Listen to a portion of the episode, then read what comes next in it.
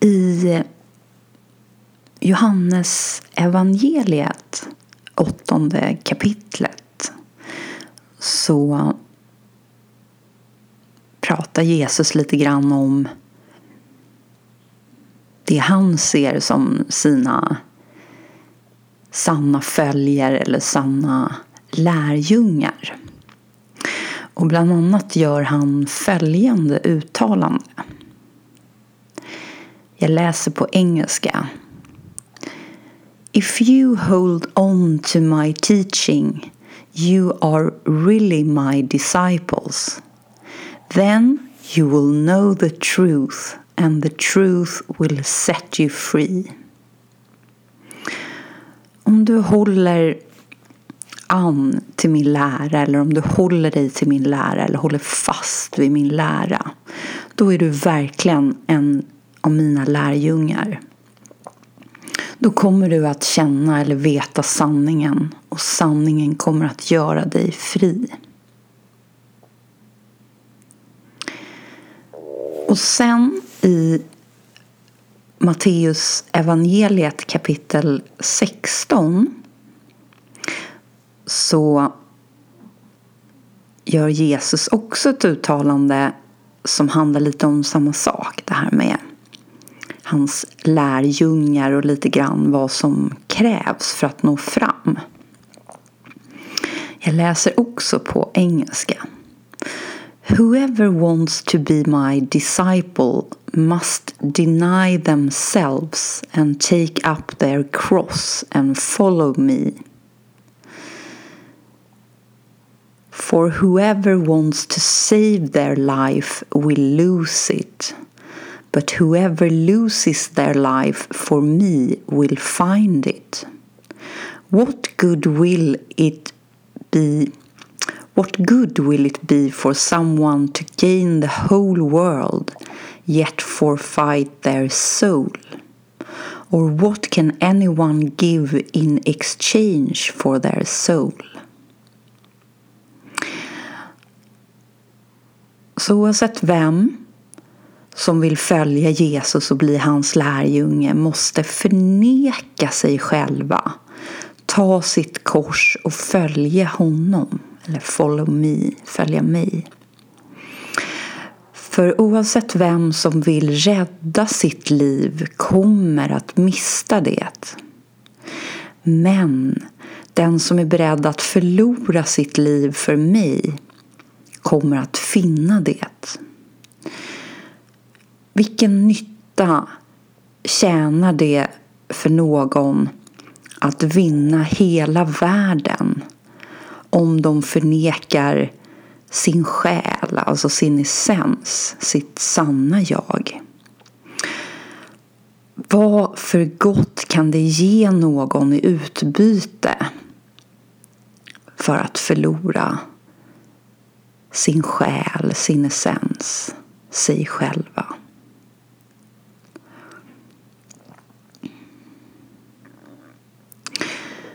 Och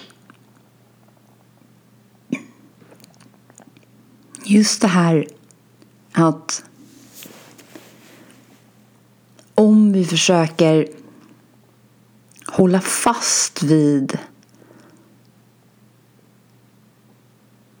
oss själva. Och det handlar ju om just det här som vi har varit inne på. Det här identifierade jaget, personen som är kopplad till formen ja, då kommer vi att förlora vårt liv. Och det är ofrånkomligt därför att formen, formen kommer att förgås. Det, det är ett faktum som vi alla står inför.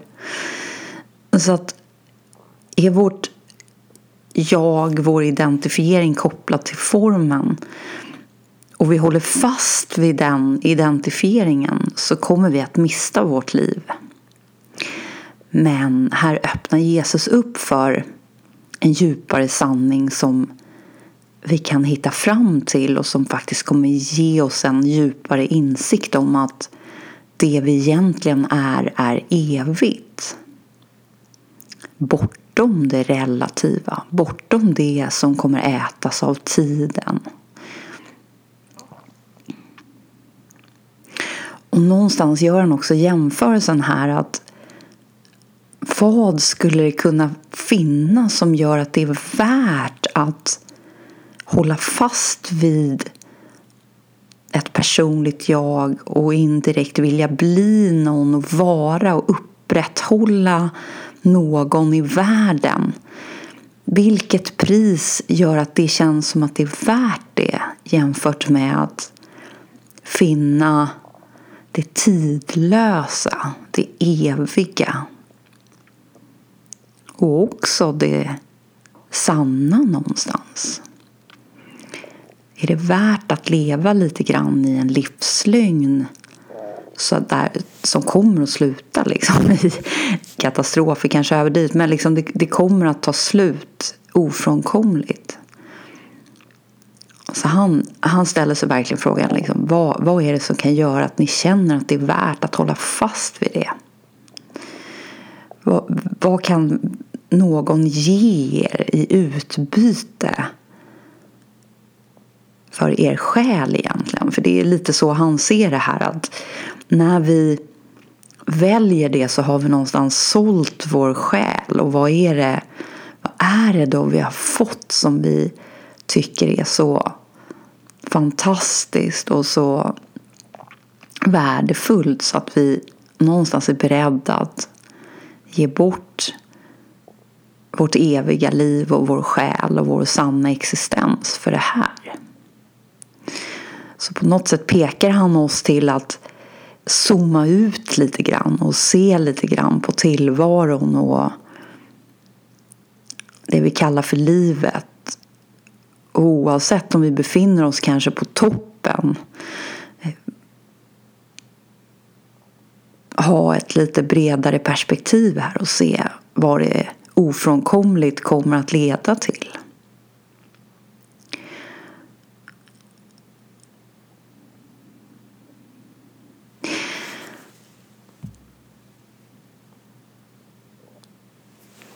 Och just det här att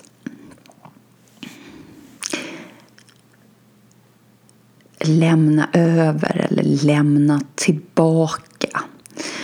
Eh, om ni minns Ramanas liknelse som han gjorde. Eh, att egentligen så är den handlingen eller den intentionen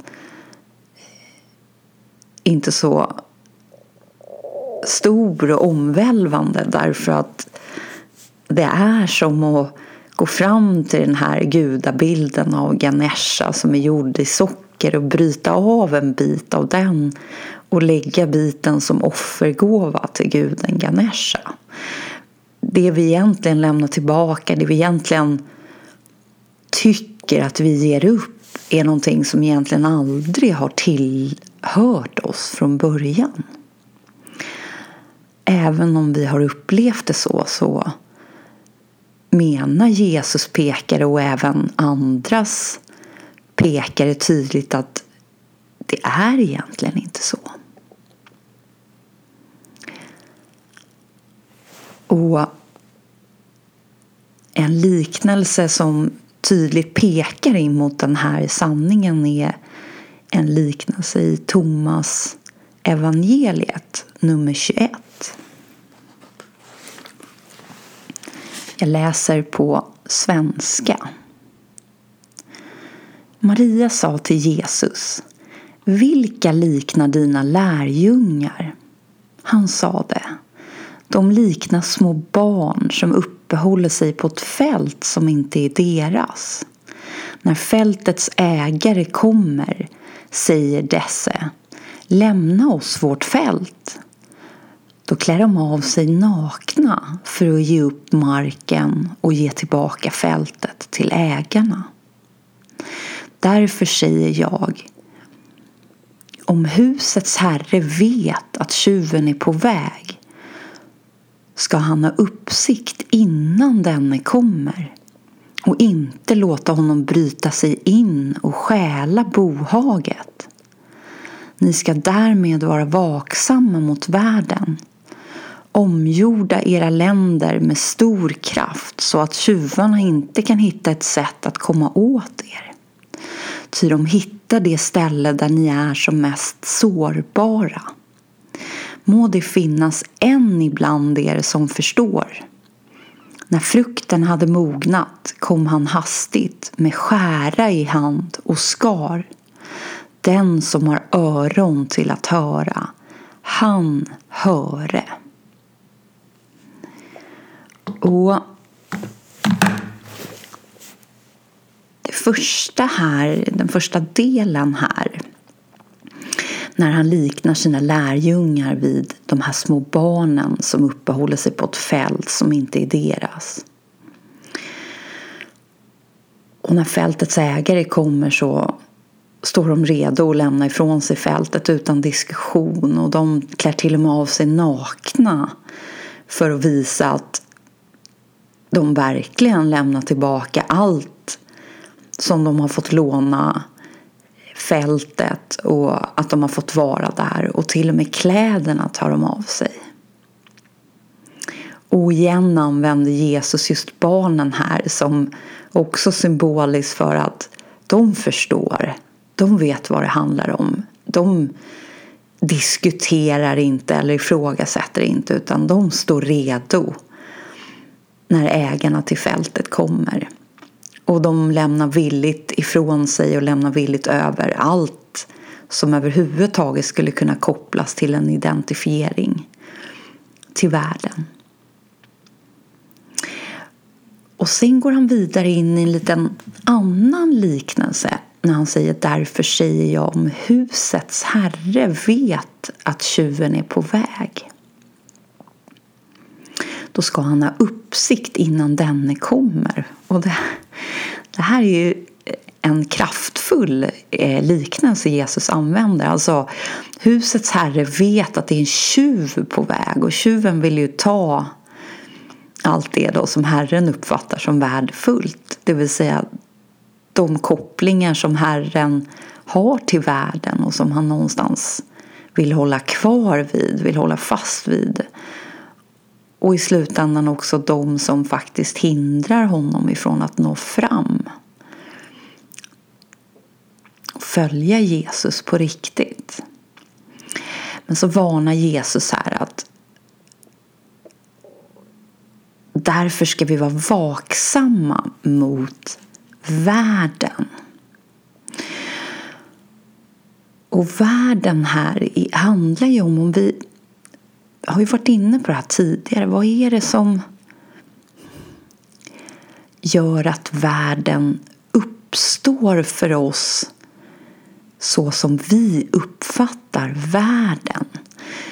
Ja, det är ju någonstans roten till det eller det som gör att projektorn lite grann går igång är ju att vi identifierar vår känsla av existens, av varande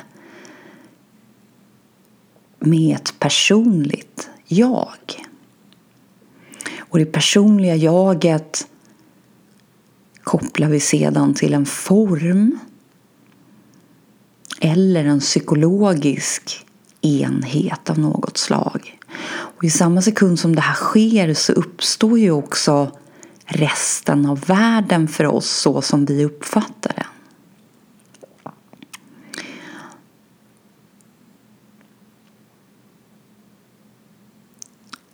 Så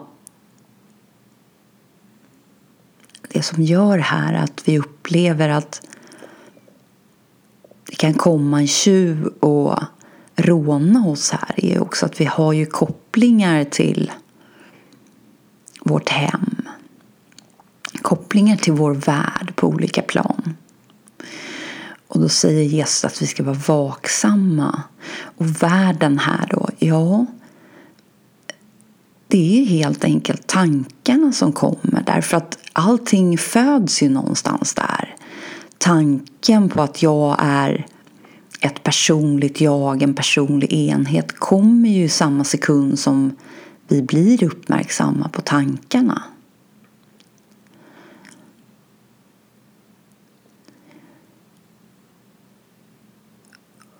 Och här pekar han också lite grann emot att vi kommer att bli prövade. Och återigen den här mannen som ville dräpa en stor man och som valde att stanna hemma.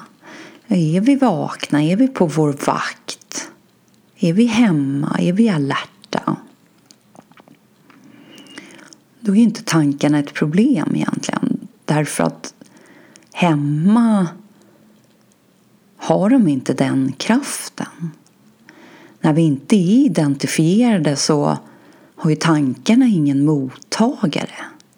De är ju bara någonting som kommer och går. De har ju ingenting med det vi upplever oss vara att göra. Och just det här att vi förblir rena ifrån det som passerar och orörda finns det många liknelser och vi har varit inne på några. Eh, men även att likna vårt eget varande, vår egen essens med himlen där vi konstaterar att oavsett vilka moln som passerar himlavalvet och himlen och väder och åskmoln och orosmoln eller lätta sommarmoln så förblir himlen orörd. Den förblir densamma.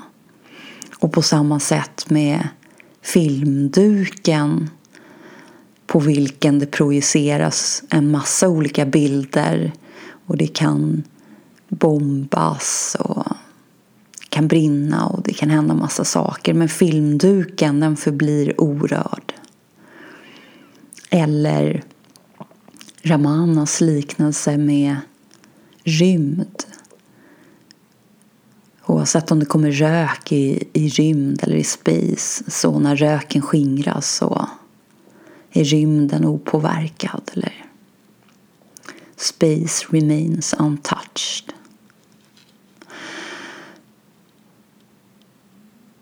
Så precis på samma sätt här så varnar då Jesus lite grann för att vara, stanna hemma egentligen, Var alerta, var vakna. Och det handlar ju om att vara i nuet, i sitt varande, inte vara i några tankar. För då när tankarna kommer och de kommer att komma och pröva oss ja då ser vi prövningarnas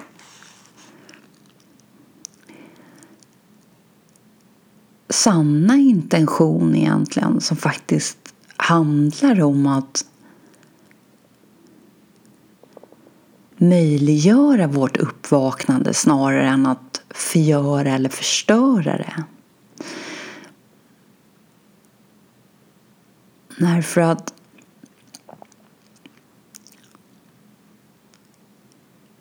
tills vi riktigt har rotat vår uppmärksamhet hemma och förblir hemma permanent så är ju alla prövningar i form av det relativa som kommer indirekt en hjälp för oss att påminna oss om vilken som är vår rätta position.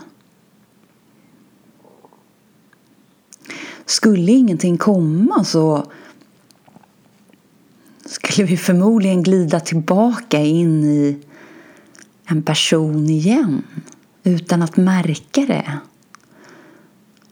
Men genom att det kommer hotfulla moln på himlen, kraftfulla tankar, rädslor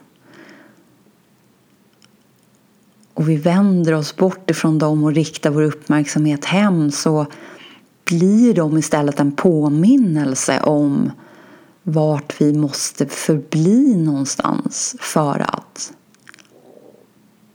förbli opåverkade, förbli icke-identifierade.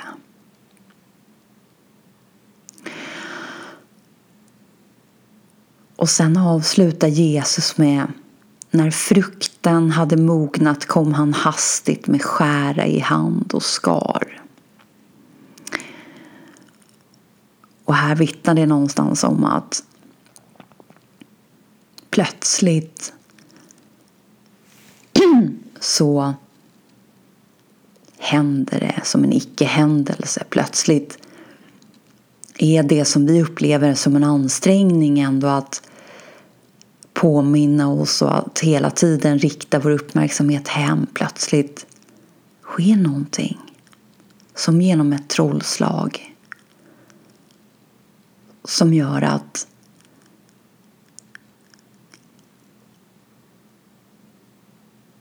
vi förblir där. Vi är medvetna om det andra men det är framförallt det här som är sant. Det här är förgrunden. Det andra ligger lite mer perifert. Det är plötsligt den här stillheten, den här tystnaden som har tagit över. Och det här högljudda, röriga, splittrade, relativa har inte längre alls samma kraft och samma påverkan att överrösta stillheten och tystnaden.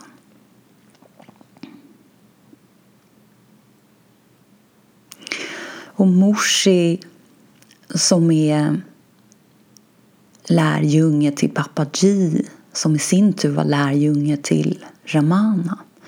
Han beskriver lite grann det här eh, som han relaterar till ett minne som han själv har av när någon kom och visade honom en bild av en vit vas mot en svart bakgrund. Eller egentligen, den var, den var omgiven av svart färg på vardera sida och vasen fanns i mitten. Och så frågade den här människan som höll fram den här bilden frågade vad ser du för någonting? Och morsi sa men det är, en, det är en vas. Ser du någonting annat? Kan du se någonting mer om du fortsätter att titta en stund på bilden? Och morsi sa men det är en vit vas. Det är det jag ser. Och den här personen som höll fram bilden uppmuntrade morsi att titta en liten stund till. Och så efter en liten stund så utropar morsi men, men det är ju två ansikten som tittar på varandra. Två profiler i svart som möter varandras blick. Jag ser inte längre vasen, nu ser jag två ansikten i profil. Och sen efter att ha tittat på bilden ytterligare en liten stund så kunde han välja om han ville se den vita vasen eller de två svarta profilerna som mötte varandra. Och efter ytterligare en liten stund så såg han båda. Men han kände egentligen inte att han ansträngde sig för att se den ena eller den andra utan båda var bara där. Och det är just det här att till en början ser vi bara basen. Det är det vi är intränade till. Det är det som är verkligt för oss. Det är det som faller sig naturligt för oss. Att se differentieringen eller separeringen, alla koncept som har blivit sanningar för oss. Men så riktar vi vår uppmärksamhet lite grann hemåt till vårt varande tillbaka. Och där uppenbaras någonting annat. Och till en början känns det som en ansträngning, som en ständig påminnelse. Och så uppenbaras någonting annat och strax så återgår vi till att se vasen igen och de här ansiktena är inte riktigt längre där i vårt medvetande. Men så efter ett tag så upplevs det mer och mer som att även om vi ser vasen så, så är ansiktena där och det är någonting vi vet bortom intellektuellt vetande. Det är, vi vet att de är där. Vi behöver inte verifiera utan någonstans inom oss vet vi det. Så att även om vi kanske inte alltid ser dem så är det uppenbart att de är där. Och så småningom plötsligt kommer någon med skära i hand och skär. Och de svarta ansiktena och vasen är där. Båda är där. Och till en början upplevs det som att jag antingen ser ansiktena eller vasen. Och så till slut så, utan ansträngning, så är båda där.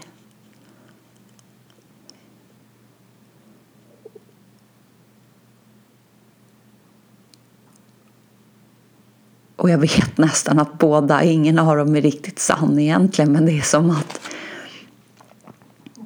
allt är där utan ansträngning.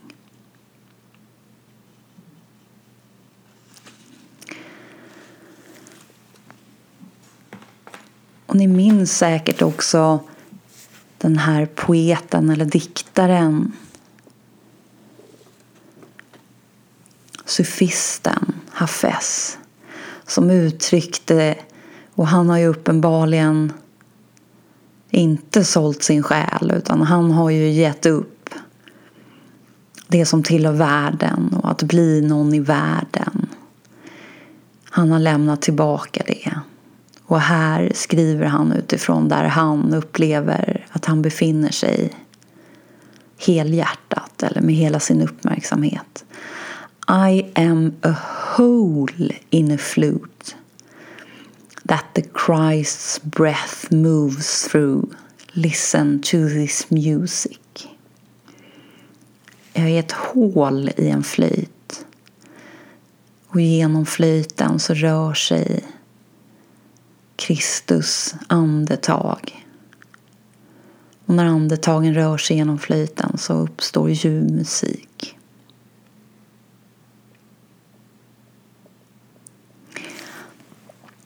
Och ni kanske också minns Krishna Murti, ett av hans uttalanden som handlade om att i samma sekund som ni vill bli något i den här världen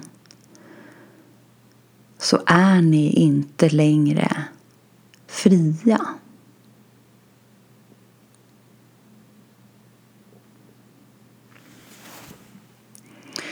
Och även Khalil Gibran har ett litet avsnitt om just friheten.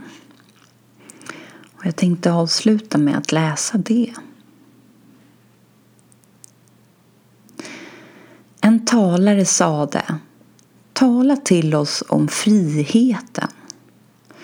Och han svarade Vid stadens port och vid era er egen härd har jag sett er knäböja och dyrka er egen frihet så som slavar förödmjukar sig inför en tyrann och prisar honom fastän han dräper dem.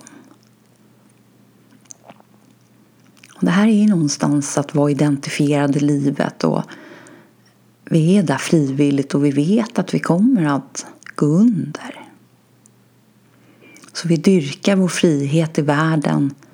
Det jämför han med att det är som att vi förödmjukar oss inför en tyrann och prisar honom fastän han kommer att dräpa oss. Och tyrannen är ju tiden i det här fallet. Ja, i tempellunden och i stadsmurens skugga har jag sett de friaste bland er bära sin frihet som ett ok och en handboja.